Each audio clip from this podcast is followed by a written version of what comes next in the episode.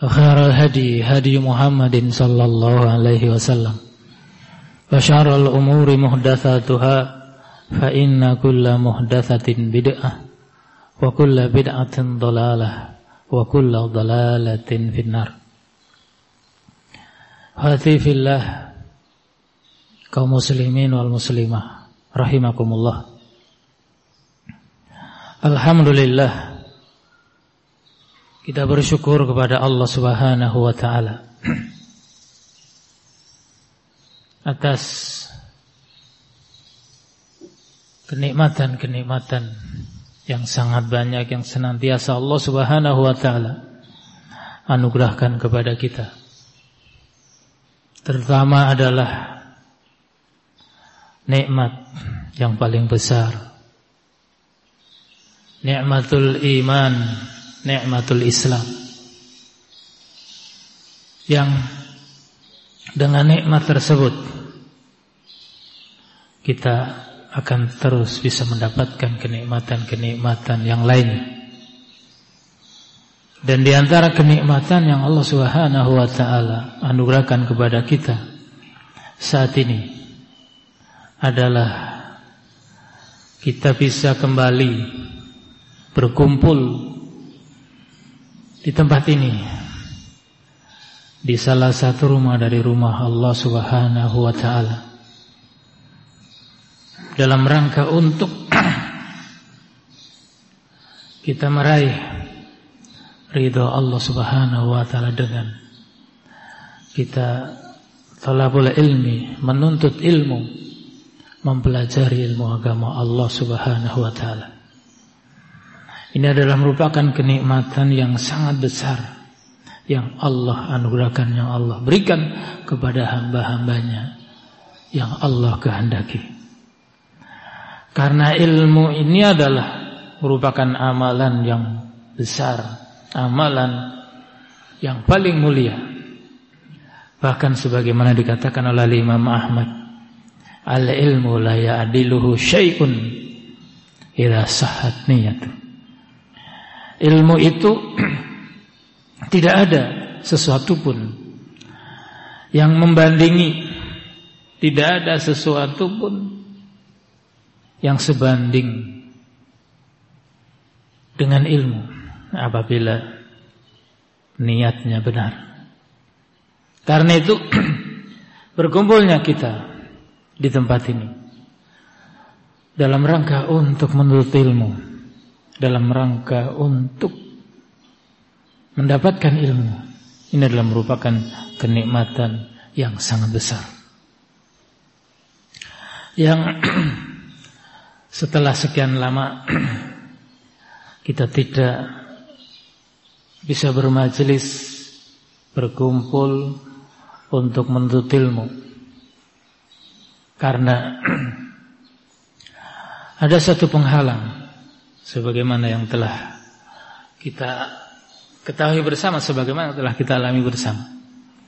Yaitu karena adanya wabah karena adanya pandemi Covid-19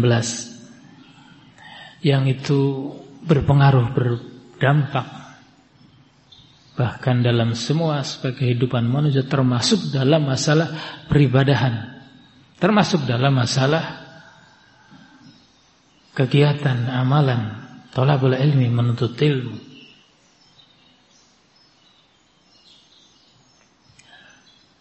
Nah pada hari ini kita bisa kembali bermajelis untuk menuntut ilmu. Yang pertama kali Pertama ya? Atau sudah pernah sebelumnya? Nah Ini adalah yang pertama kali kita Kembali bermajelis Dalam majelis ilmu untuk menuntut ilmu. Yang mudah-mudahan setelah ini kita terus diberi pertolongan oleh Allah Subhanahu wa taala untuk bisa melaksanakan dan mewujudkan majelis-majelis ilmu ini. Yang mudah-mudahan selama ini kita tidak bermajelis untuk menuntut ilmu. Demikian juga ibadah-ibadah yang lain yang sekian waktu kita tinggalkan seperti sholat berjamaah di masjid. Kemudian juga sholat Jum'ah. Dan yang lainnya. Mudah-mudahan itu semuanya tidak mengurangi pahala dan keutamaan yang Allah Subhanahu wa taala janjikan dari amal-amal tersebut. Karena kita meninggalkan semua itu adalah karena Allah. Dalam rangka kita bertawakal kepada Allah menjalani sebab-sebab untuk kita. Menyelamatkan diri untuk kita menghindari dari wabah. Dan dalam rangka kita taat kepada pemerintah kita. Karena pemerintah kita telah mengatur semuanya termasuk dalam perkara tersebut. Sehingga mudah-mudahan amalan-amalan yang besar yang selama ini kita tidak bisa jalankan bukan karena kita malas, bukan karena kita tidak mau, tetapi adalah karena Allah, karena kita mentaati pemerintah. Sehingga karena adanya hal tersebut mudah-mudahan tidak mengurangi dan tidak menghalang menghalangi sampainya pahala dari amalan-amalan tersebut kepada kita. Tentu itu semuanya adalah tergantung dengan niat kita itu semuanya tergantung dengan bagaimana niat kita dan tujuan kita dalam meninggalkan amalan-amalan tersebut. Hatifillah kaum muslimin wal muslimah rahimakumullah. Pada kesempatan yang baik ini saya belum uh, melanjutkan taklim rutin kita yaitu dari kita Bulughul Maram tetapi saya ingin menyampaikan dan membaca satu pembahasan yang ada dalam kitab yang masyhur yaitu kitab Al-Firqatun Najiyah yang ditulis oleh Syekh Muhammad bin Jamil Zainu yang dalam kitab tersebut beliau membawakan beberapa pembahasan. Di antara pembahasan yang beliau bawakan di dalam kitab tersebut adalah asbabu hududil masaib wa izalatiha. Sebab-sebab terjadinya musibah dan sebab-sebab untuk menghilangkan musibah.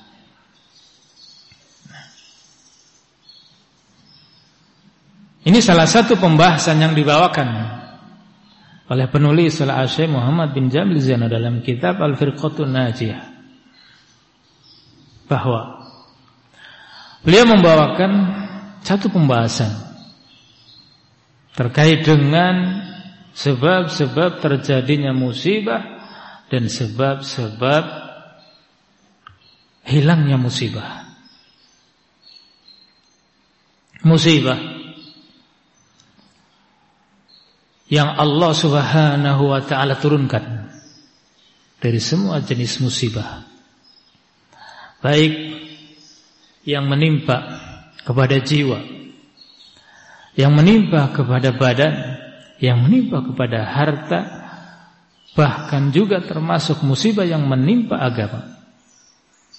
Itu semuanya ada sebabnya. Allah Subhanahu wa taala tidak menurunkan Allah Subhanahu wa taala tidak menimpakan suatu musibah kecuali karena ada sebab terjadinya musibah itu. Termasuk musibah yang menimpa umat manusia saat ini. Musibah yang menimpa kepada seluruh umat manusia di seluruh dunia. Yaitu adanya pandemi COVID-19 yang menimpa kepada seluruh manusia dan dampaknya yang menimpa kepada umat manusia ya, secara keseluruhan. Artinya dampaknya menimpa kepada seluruh umat manusia. Bahkan dalam masalah peribadahan pun terkena dampaknya. Dalam masalah-masalah lain seperti dalam masalah perekonomian dan yang lainnya kita tahu.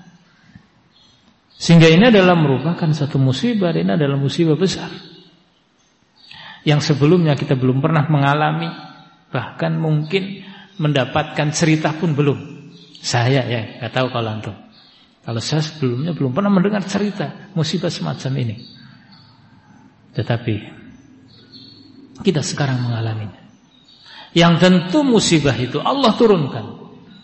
Allah timpakan karena ada sebab.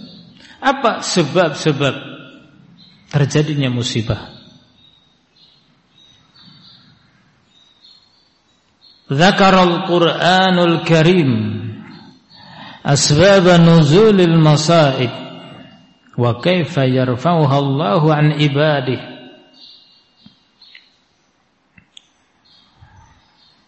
Al-Quranul Karim menyebutkan sebab-sebab turunnya musibah dan bagaimana Allah mengangkat menghilangkan musibah dari hamba-hamba. Penulis di sini Hashim Muhammad bin Jamil Zano menyebutkan bahwasannya Allah Subhanahu wa taala di dalam kitabnya Al-Qur'anul Karim menyebutkan sebab-sebab terjadinya musibah sebab-sebab turunnya musibah. Dan juga Allah Subhanahu wa taala di dalam Al-Qur'an menyebutkan kapan dan bagaimana Allah mengangkat dan menghilangkan musibah-musibah tersebut dari hamba-hamba yang ditimpa musibah. Minha qaulu ta'ala. Di antaranya adalah firman Allah Ta'ala. Penulis ini membawakan beberapa ayat Al-Quran yang ayat-ayat tersebut memberitakan, menghabarkan sebab terjadinya musibah. Al-awal yang pertama Dzalika بأن الله لم lam yakum نعمة أنعمها لقوم حتى يغيروا ما yughayyiru ma bi anfusihim.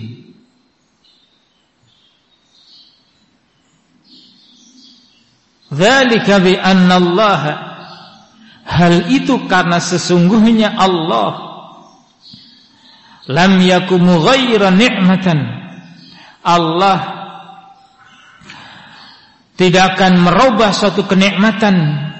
An'amaha qaumin yang kenikmatan itu Allah anugerahkan kepada suatu kaum. Hatta yughayyiru ma bi anfusihim sampai mereka merubah apa yang ada pada diri-diri mereka. Surat Al-Anfal ayat ke-53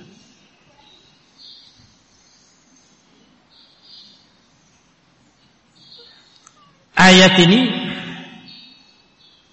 memberitakan dan menjelaskan tentang sebab terjadinya musibah. Di mana di dalam ayat ini Allah Subhanahu wa taala berfirman, "Dzalika hal itu." Dzalika hal itu. Apa yang dimaksud dengan dzalik hal itu? Maksudnya dzalik adalah al-adzab, azab yang Allah timpakan kepada umat-umat yang tidak beriman. Yang Allah timpakan kepada umat-umat yang mendustakan, tidak beriman, tidak mempercayai kepada para rasul. Di mana di ayat yang sebelumnya Allah sebutkan, Allah kisahkan tentang umat-umat terdahulu seperti Fir'aun dan yang lainnya yang mereka mendustakan Rasul yang Allah utus kepada mereka. Mereka tidak beriman, mereka tidak percaya, mereka bermaksiat, durhaka kepada para Rasul yang diutus kepada mereka. Maka Allah timpakan azab kepada mereka.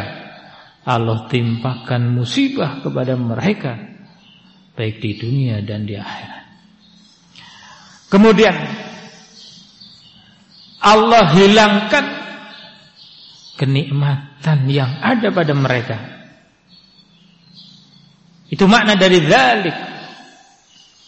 Hal itu yaitu azab musibah bencana yang Allah timpakan kepada umat umat yang tidak beriman yang mendustakan para rasul dan Allah hilangkan kenikmatan yang ada pada mereka. Apa sebabnya?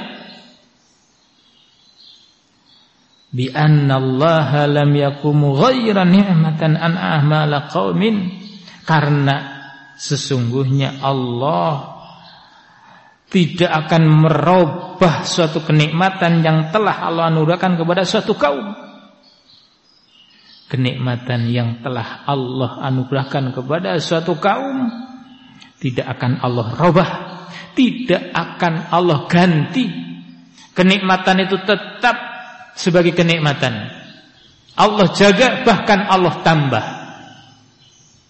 Tidak pernah Allah menggantinya, tidak pernah Allah merubahnya. Hatta yughayyiru ma bi anfusihim sampai mereka sendiri kaum tersebut merubah apa yang ada pada diri mereka. Yang maknanya adalah bahwasannya azab musibah yang Allah Subhanahu wa taala timpakan kepada suatu kaum Allah hilangkan nikmat yang ada pada mereka sebabnya itu adalah karena mereka sendiri yang merubah merubah yang ada pada diri mereka sendiri yaitu bisababi dzunubihim karena sebab dosa-dosa mereka. Karena sebab dosa-dosa mereka. Mereka merubah kenikmatan yang sudah Allah berikan pada mereka. Allah memberikan suatu kenikmatan kepada mereka. Kemudian mereka sendiri yang merubah. Yang merubah yang menjadikan kenikmatan itu diganti yang menyebabkan kenikmatan itu dicabut oleh Allah yang menyebabkan kenikmatan itu dirubah dengan musibah adalah mereka sendiri yaitu dengan mereka melakukan kemaksiatan kemaksiatan dan dosa-dosa nah. sehingga kenikmatan yang Allah berikan kepada mereka Allah robah. Sehingga yang merubah kenikmatan yang Allah berikan kepada mereka, mereka sendiri. Kalau seandainya kenikmatan yang Allah berikan kepada mereka, mereka syukuri. Tidak mereka robah dengan mereka tidak menggunakan untuk bermaksiat kepada Allah.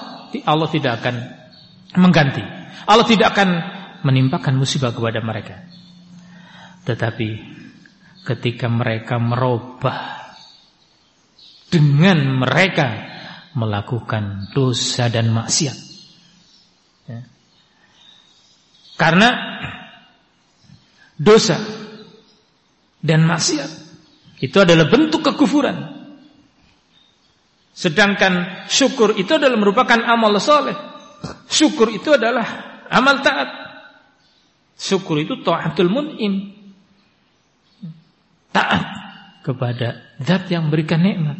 Nah ketika kenikmatan tidak disyukuri Kemudian mereka menggunakan kenikmatan yang Allah berikan Tidak untuk ketaatan tapi digunakan untuk maksiat Maka bro, dirobahlah oleh Allah kemaksiatan itu dicabut Dan diganti dengan lawannya nikmat Yaitu nikmah musibah. Sehingga yang dimaksud Hatta yughayyiru ma bi anfusihim sampai mereka merubah apa yang ada pada diri mereka itu maksudnya adalah minat ta'ah ilal maksiyah merubah dari ketaatan kepada kemaksiatan. Furu nikmat Allah.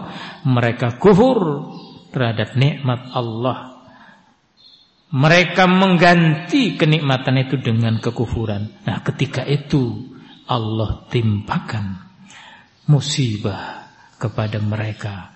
Allah cabut kenikmatan yang ada pada diri mereka. Sehingga jelas berdasarkan ayat ini bahwa adanya musibah. Sebabnya adalah dosa dan maksiat. Ya. Sehingga ayat ini surat Al-Anfal ayat ke-53 menegaskan dan menjelaskan bahwasanya musibah itu terjadi karena dosa, dosa dan maksiat. Dosa, dosa dan maksiat itu adalah satu amalan dari manusia dari pelakunya yang akan merubah kenikmatan yang Allah berikan kepada pelakunya. Nikmat diganti dengan musibah. Dan Allah Subhanahu wa taala melakukan hal itu adalah karena hikmah, karena keadilan dan karena ihsan berbuat baiknya Allah kepada hambanya di mana Allah tidak menyiksa mereka Allah tidak menyiksa suatu kaum. Allah tidak menimpakan musibah kepada suatu kaum illa bidzulmihim. Kecuali karena kezaliman mereka. Itu makna dari firman Allah Subhanahu wa taala. Dalam surat Al-Anfal ayat ke-53, "Dzalika bi anna Allah lam yakum ghayra ni'matan an'amaha laqamin hatta yughayyiru ma bi anfusihim." Hal itu karena sesungguhnya Allah tidak akan merubah suatu kenikmatan yang Allah anugerahkan pada suatu kaum sampai mereka sendiri yang merubah apa yang ada pada diri mereka. Asani yang kedua, ayat yang berikutnya yang kedua yang dibawakan oleh penulis adalah wa ma sabakum min musibatin fabima kasabat aydikum wa ya'fu an katsir.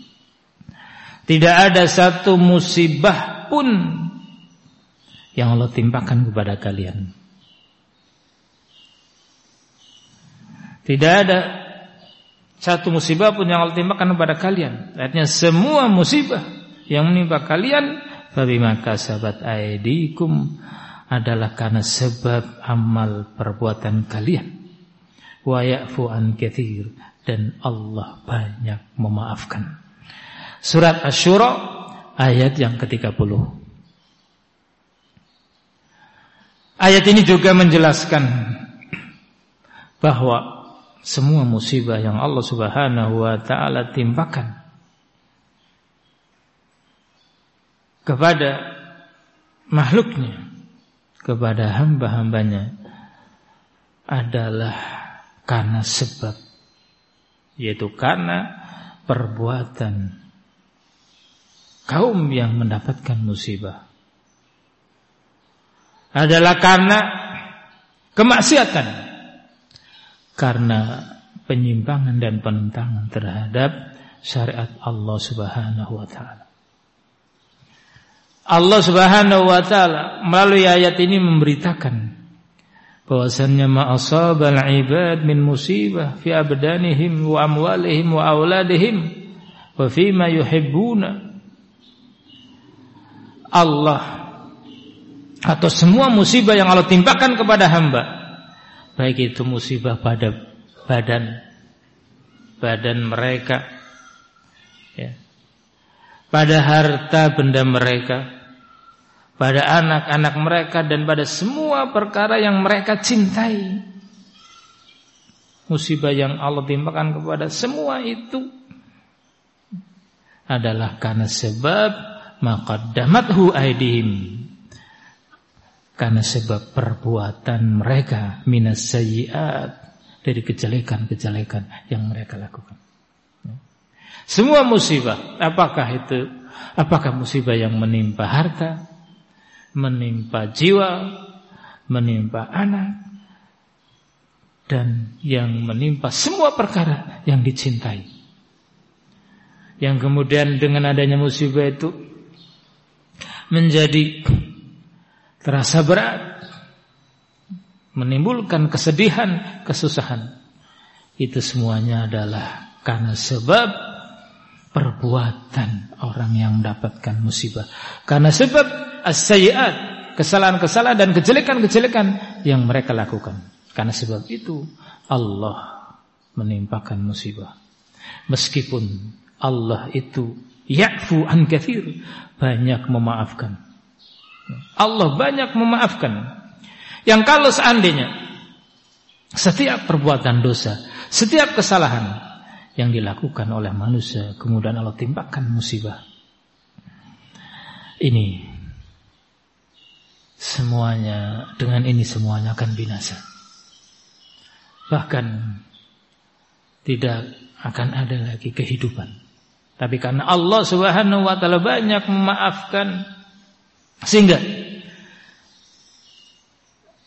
musibah yang Allah timpakan itu adalah sebagian dari sebab atau sebagian dari kemaksiatan yang mereka lakukan.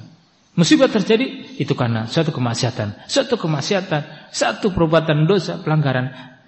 Tetapi karena Allah Subhanahu wa taala banyak memaafkan tidak semuanya. Kemaksiatan. Kemudian Allah Subhanahu wa taala balas dengan musibah. Allah Subhanahu wa taala banyak memaafkan. Dan Allah ketika menimpakan musibah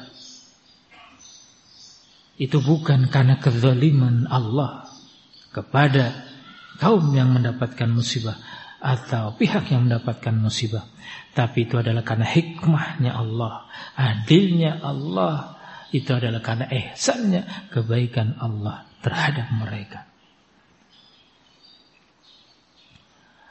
Itu adalah karena kezaliman mereka terhadap diri mereka sendiri.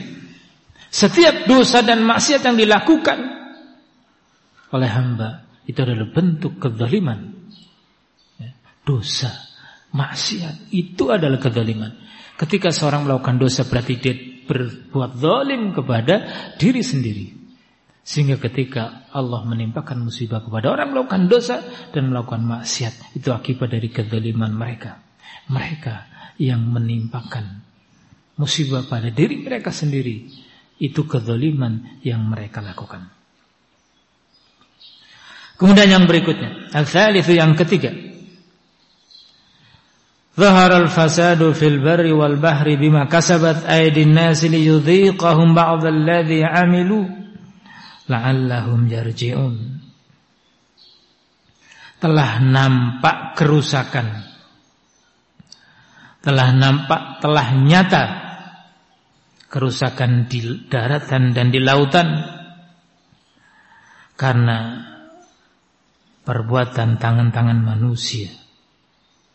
Liyudhiqahum ba'dalladzi 'amilu agar supaya Allah menimpakan kepada mereka sebagian yang mereka perbuat la'allahum yarji'un agar supaya mereka mau kembali. Surat Ar-Rum ayat ke-41. Di dalam ayat ini juga surat Ar-Rum ayat ke-41 Allah memberitakan bahwa adanya kerusakan ya, kerusakan di daratan dan di lautan yang itu adalah merupakan musibah Kerusakan itu adalah merupakan musibah yang Allah timpakan. Baik yang ada di daratan ataupun di lautan, semuanya adalah karena perbuatan manusia. Kenapa? Untuk apa? Allah tampakkan itu. Kenapa perbuatan-perbuatan dosa manusia menyebabkan Allah menimpakan kerusakan? Yang itu adalah merupakan musibah liyudhiqahum ba'dalladzi amil untuk agar supaya Allah menimpakan kepada mereka sebagian yang mereka kerjakan agar supaya mereka mau kembali. Allah Subhanahu wa taala memberitakan tentang adanya kerusakan di daratan dan di lautan. Ya, telah nyata, telah nampak adanya kerusakan. Kerusakan yang dimaksud di sini adalah fasadu ma'aishihim. Kerusakan kehidupan mereka. Wa naqasuh dan kurangnya kehidupan ini mencakup semua aspek kehidupan perekonomian ya. pencaharian rizki manusia mengalami kerusakan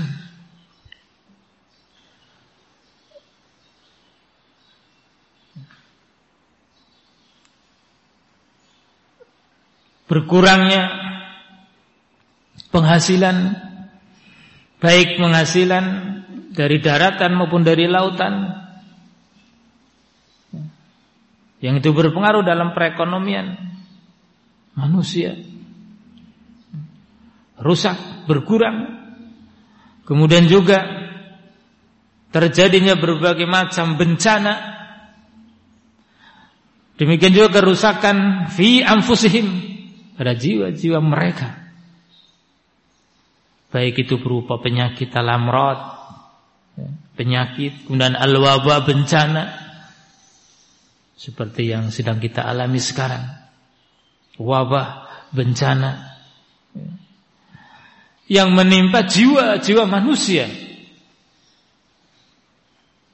Banyak yang meninggal dunia. Kerusakan pada jiwa.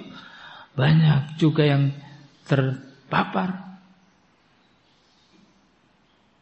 jiwanya rusak. Itu semuanya tidak ada lain adalah bima kasabat aidinas itu semua adalah karena perbuatan tangan-tangan manusia. Musibah itu sebabnya adalah karena perbuatan mereka. Minal a'mal al-fasida al-mufsidah amal perbuatan yang rusak dan merusak. Nah ini semuanya. Ini semuanya. Adanya musibah yang Allah timpakan karena dosa yang dilakukan oleh manusia. Ini semuanya adalah liyudhi qaum ba'dalladzi amilu. Agar supaya mereka merasakan. Maksudnya adalah agar supaya mereka tahu bahwasannya balasan itu adalah karena amal perbuatan mereka. Dan Allah menimpahnya tidak pada semuanya, tapi pada beberapa dari amal perbuatan maksiat mereka, kemaksiatan dan dosa mereka sebagiannya Allah timpakan.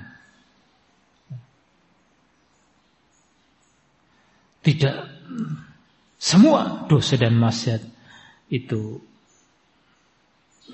dibalas, diturun. Karena sebab itu diturunkan musibah tidak. Kalau seandainya semua yang dilakukan oleh manusia kalau seandainya semua dosa yang dilakukan oleh manusia itu dibalas dengan musibah. Mata roka ala dhahriha min dabah tidak akan tersisa satu makhluk pun satu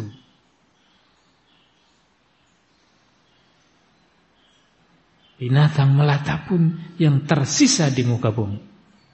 Kalau seandainya semuanya kemaksiatan itu ditimpa karena sebab ditimpakan musibah. Karena saking banyaknya dosa dan maksiat yang dilakukan oleh manusia. Tetapi Allah katakan liyudhiqahum ba'dalladzi amilu agar supaya mereka merasakan atau ditimpakan dalam mereka. Itu agar supaya mereka tahu. Bukan semuanya tapi ba'dalladzi amilu. Agar supaya mereka tahu sebagian yang mereka kerjakan. Sebagian tidak semuanya.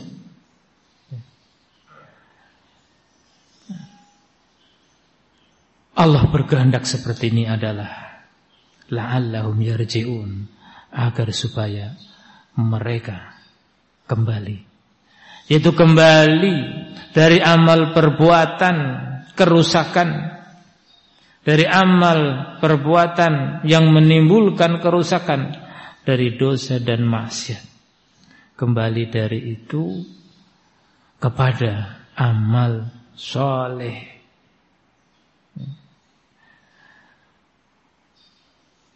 Kembali taat kepada Allah Subhanahu wa taala. Sehingga hikmah dari ditimpakan musibah itu adalah sebagai ujian cobaan agar supaya hamba-hamba manusia, manusia yang tertimpa musibah itu sadar mau kembali kepada Allah, meninggalkan dosa dan maksiat, kembali melakukan ketaatan, kembali kepada agama Allah Subhanahu wa taala. Sehingga dengan adanya musibah manusia terbagi menjadi dua. Ada yang dengan musibah mereka akan mendapatkan kenikmatan karena sadar karena mendapatkan peringatan kemudian meninggalkan dosa-dosa dan melakukan amal ketaatan ada yang justru dengan adanya musibah mereka semakin berbuat dosa semakin bahkan meningkat dosanya. Ini mereka orang-orang yang celaka. Karena itu hanyalah orang-orang yang bersabar saja yang akan selamat ketika mendapatkan ujian dan cobaan. Ketika mendapatkan musibah sebagaimana yang Allah sebutkan di dalam surat Al-Baqarah. Yang Allah Subhanahu wa taala memberitakan tentang kepastian Allah akan menguji hamba-hambanya. Allah akan menguji hamba-hambanya dengan adanya rasa takut, tidak aman, kemudian jiwa, kemudian juga pada pertanian, buah-buahan, dan yang lainnya. Maka yang beruntung itu adalah yang bersabar. Makanya di akhir ayat kalau katakan Fabasyiris sabirin, berilah kabar gembira orang-orang yang bersabar. Dengan adanya musibah tetap bersabar Yaitu tetap berusaha menahan diri Taat kepada Allah Subhanahu wa taala. Menahan diri untuk tidak bermaksiat kepada Allah. Musibah tidak menyebabkan tidak mengantarkan kepada perbuatan dosa. Itu orang-orang yang bersabar. Sehingga surat Ar-Rum ayat ke-41 ini juga jelas menunjukkan bahwasannya musibah itu terjadi sebabnya adalah dosa dan maksiat yang dilakukan oleh manusia. Kemudian yang berikutnya Arabi yang keempat.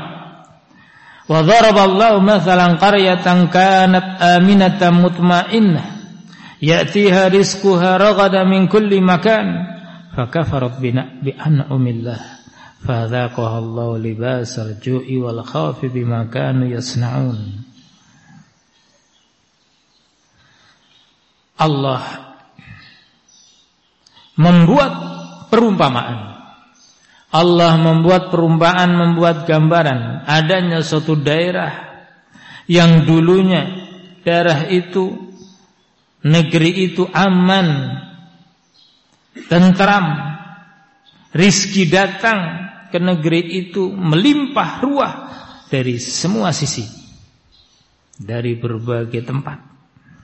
Tetapi kemudian penduduk negeri itu mengkufuri tidak mensyukuri kenikmatan-kenikmatan Allah tersebut. Fadzaqallahu libasal maka Allah timpakan kepada penduduk negeri itu bencana kelaparan tidak aman karena apa yang telah mereka perbuat. Surat An-Nahl ayat 112. Allah Subhanahu wa taala di dalam ayat ini membuat suatu perumpamaan. Membuat satu perumpamaan adanya suatu negeri. Yang negeri itu tadinya aman, tentram, rizki datang melimpah ruah dari berbagai sisi. Aman, tentram, rizki datang melimpah ruah dari berbagai tempat. Tapi kemudian penduduk negeri itu tidak mensyukuri nikmat Allah, tidak menggunakan kenikmatan-kenikmatan besar dari Allah tersebut untuk mentaati Allah. Tetapi kenikmatan-kenikmatan itu digunakan untuk maksiat kepada Allah, kufur terhadap nikmat Allah. Maka kenikmatan itu Allah ganti. Allah timpakan kepada mereka bencana alju yang tadinya rizki datang melimpah ruah diganti dengan adanya kelaparan. Kemudian al-khauf yang tadinya negeri itu adalah aminat dan mutmainnah, aman tentram, diganti dengan khauf itu tidak aman. Bahaya mengancam dari semua sisi. Ini semuanya adalah bima kanu yasnaun. Karena apa yang telah mereka perbuat. Dan yang Allah buat perumpamaan di dalam ayat ini tentang adanya negeri yang tadinya aman, tentram, rizki melimpah ruah datang dari berbagai tempat, ini yang dimaksud adalah Makkah. Makkah sejak ditetapkan oleh Allah Subhanahu wa taala sebagai tanah haram, sebagai tanah suci. Ya. Makkah itu ditetapkan oleh Allah sebagai tanah haram sejak diciptakan langit dan bumi. Sejak diciptakan langit dan bumi maka sudah dipilih oleh Allah sebagai tanah haram, sebagai tanah suci sebagaimana disebutkan dalam hadis yang diriwayatkan oleh Imam Bukhari. Tetapi baru di zaman Nabi Ibrahim itu diumumkan. Tetapi apa ditetapkan tetapi maka ditetapkan sebagai tanah haram, tanah suci itu sejak diciptakan langit dan bumi. Nah, maka ini dari dulu menjadi negeri yang aman, tentram. Yang Makkah itu tadinya adalah tandus. Tidak ada satu pohon dan tanaman pun di negeri itu, di Makkah. Dan kemudian Allah Subhanahu wa taala memberikan kemudahan menjadi negeri yang aman, tentram keamanannya sempurna. Maka itu sampai dikisahkan seandainya orang masuk ke Makkah di Makkah ini mendapati di Mekah ini mendapati orang yang pernah membunuh ayahnya atau saudaranya. Saking amannya Mekah dia nggak akan berani ya, ya, bisa menahan diri dendamnya tertahan. Aman. Sehingga kalau dia punya keinginan untuk membalas dendamnya kepada orang yang membunuh ayahnya atau saudaranya, dia akan berusaha bagaimana orang itu keluar dulu dari Makkah. Bagaimana orang itu keluar dulu dari Makkah. Nanti ketika sudah keluar dari Makkah baru berani melampiaskan dendamnya. Ketika berada di Makkah enggak berani. Saking amannya Makkah dulu. Kemudian Rizki datang melimpah ruah dari berbagai tempat. Nah, orang-orang jahiliyah itu sangat dulu itu sangat menghormati tentang Mekah. Ya, sebagai tanah haram gak berani berbuat dosa, gak berani dia melakukan perbuatan-perbuatan yang akan merusak keamanan. Aman. Nah, kemudian diutuslah Rasul Shallallahu Alaihi Wasallam menyampaikan amanah dari Allah, menyeru mereka kepada tauhid, menyeru mereka kepada kebaikan, mencegah mereka dari kesyirikan dan dari berbagai kejelekan. Nah, setelah itu kemudian mereka penduduknya mendustakan, tidak mau percaya. Maka Allah timpakan kepada mereka apa yang Allah timpakan. Terjadilah di saat itu ketika penduduknya kufur sampai mereka berani mengusir Rasul yang diutus oleh Allah pada mereka padahal diutusnya Rasul untuk mereka dari kalangan mereka sendiri. Dimusuhi, disakiti, diusir sampai akhirnya kemudian hijrah ke Madinah. Ditimpakanlah kepada mereka bencana. Yang tadinya aman menjadi tidak aman. Yang tadinya makmur, rezeki datang dari berbagai tempat, kelaparan yang terjadi. Waktu itu.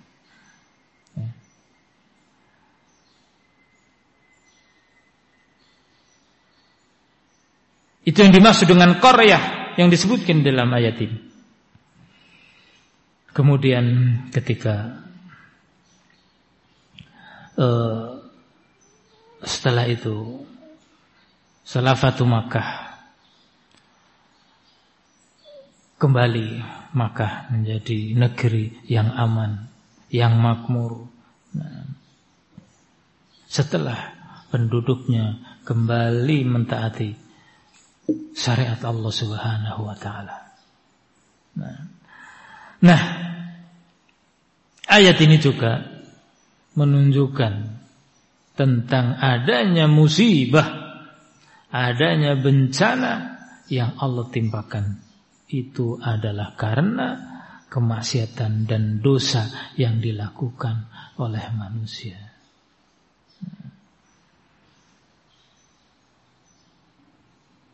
Dan masih banyak ayat-ayat lain yang tidak dibawakan oleh penulis ini yang menjelaskan tentang perkara yang semakna dengan ayat ini bahwa musibah itu terjadi karena satu sebab. Sebab terjadinya musibah itu adalah dosa dan maksiat. Dan ayat ini juga sekaligus menjelaskan tentang bagaimana Allah menghilangkan musibah yang telah Allah timpakan. Karena itu selanjutnya penulis menyatakan inna hadhil ayatil karimata tufiduna anna Allah ta'ala adilun wa hakimun. Sesungguhnya ayat-ayat ini Beberapa ayat yang telah kita baca tadi.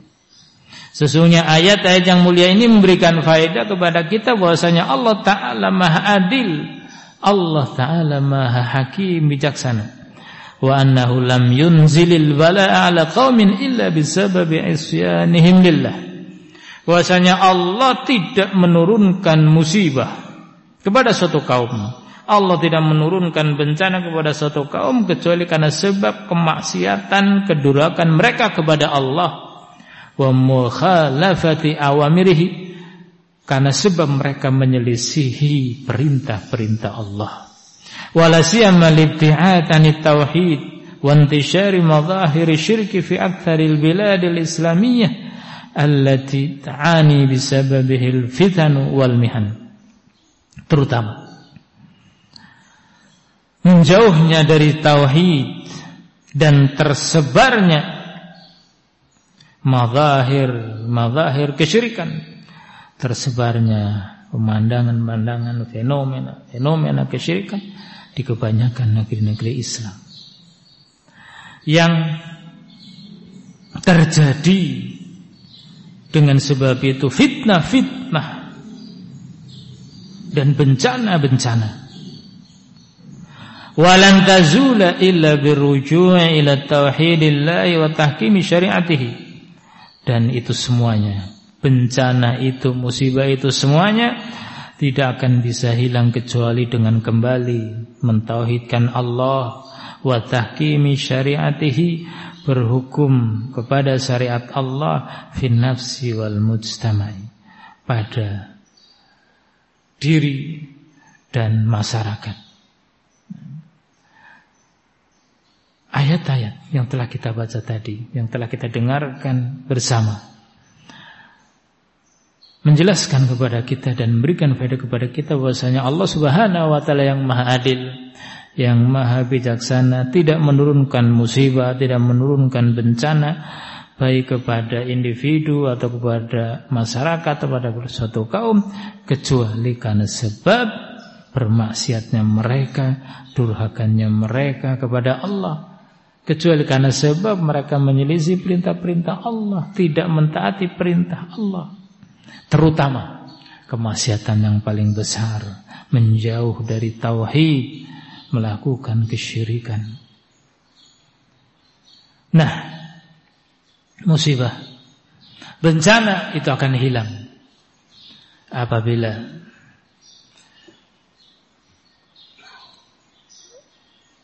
kaum yang mendapatkan musibah itu kembali mentauhidkan Allah, kembali berhukum dengan syariat Allah, mentaati perintah-perintah Allah dan bertaubat. Itu adalah merupakan jalan.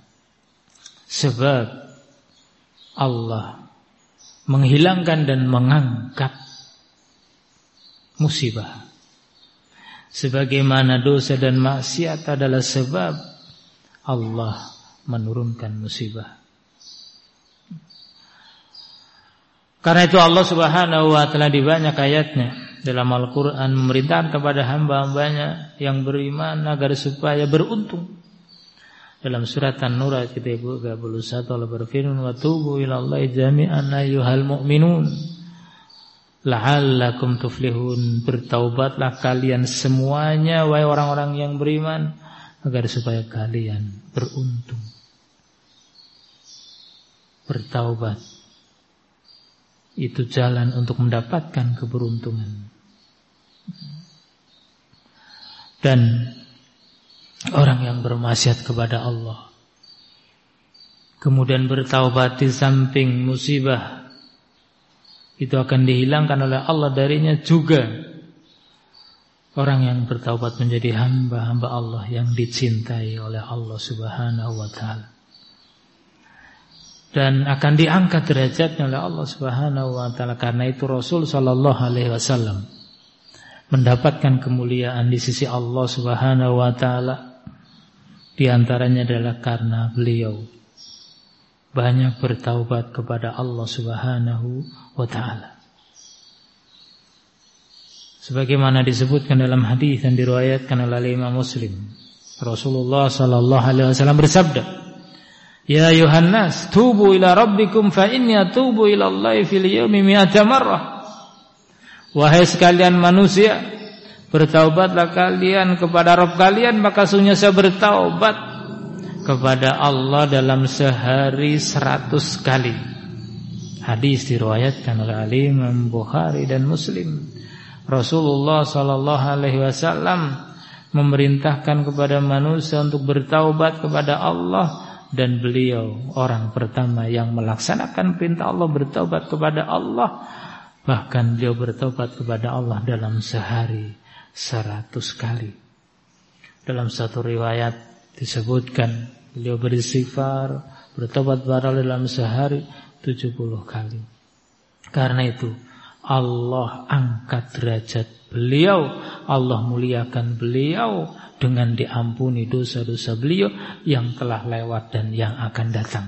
Seperti disebutkan di dalam surat Al-Fatah yang kedua, liyaghfirulakallahu ma taqaddama min dzambik wa ma.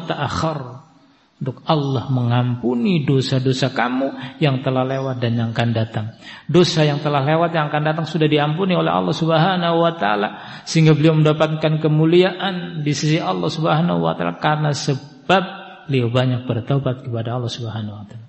Bukan karena beliau tidak pernah salah, bukan karena beliau tidak pernah dosa, tetapi karena beliau banyak bertaubat. Sehingga dengan banyaknya beliau bertaubat, dosa beliau yang terlewat dan yang akan datang diampuni oleh Allah. Dengan itu beliau mendapatkan kemuliaan yang paling tinggi, kemuliaan yang paling mulia, menjadi manusia yang terbaik. Beliau menjadi khairul anam. Dan tentunya kedudukannya beliau adalah kedudukan manusia yang paling mulia. Taubat itu maknanya adalah rujuk min maksiatillah ila taati. Taubat itu kembali dari kemaksiatan durhaka kepada Allah untuk taat kepada Allah. Tinggalkan dosa maksiat kemudian taat kepada Allah Subhanahu wa taala. Dan syarat taubat itu ada lima. Yang pertama ikhlas, Yang kedua an-nadam alam hasal menyesal atas dosa yang dilakukan. Yang ketiga al-iqla' anil ma'siyah halati taba minha mencabut itu meninggalkan kemaksiatan yang dia bertaubat darinya. Yang keempat al-azmu ala alla ya'ud bertekad untuk tidak mengulangi. Dan yang kelima antakuna taubah waktu qabuli taubah bertaubat pada waktu diterimanya taubat itu sebelum matahari terbit dari barat dan sebelum nyawa sampai tenggorokan. Itu syarat sahnya taubat yang apabila taubat ini ditunaikan, diwujudkan dengan terpenuhi syarat-syaratnya, maka taubat itu akan diterima dan musibah itu akan segera Allah hilangkan dan Allah Subhanahu wa taala akan memuliakan orang-orang yang bertaubat. Demikian apa yang bisa saya sampaikan pada kesempatan pagi hari ini mudah-mudahan bisa kita fahami dan mudah-mudahan Allah Subhanahu wa taala berikan taufik kepada kita dan memudahkan kepada kita untuk mengamalkan ilmu yang kita ketahui. Subhanakallahumma bihamdika asyhadu an la ilaha illa anta astaghfiruka wa atubu ilaik wa akhiru da'wana alhamdulillahi rabbil alamin. Assalamualaikum warahmatullahi wabarakatuh.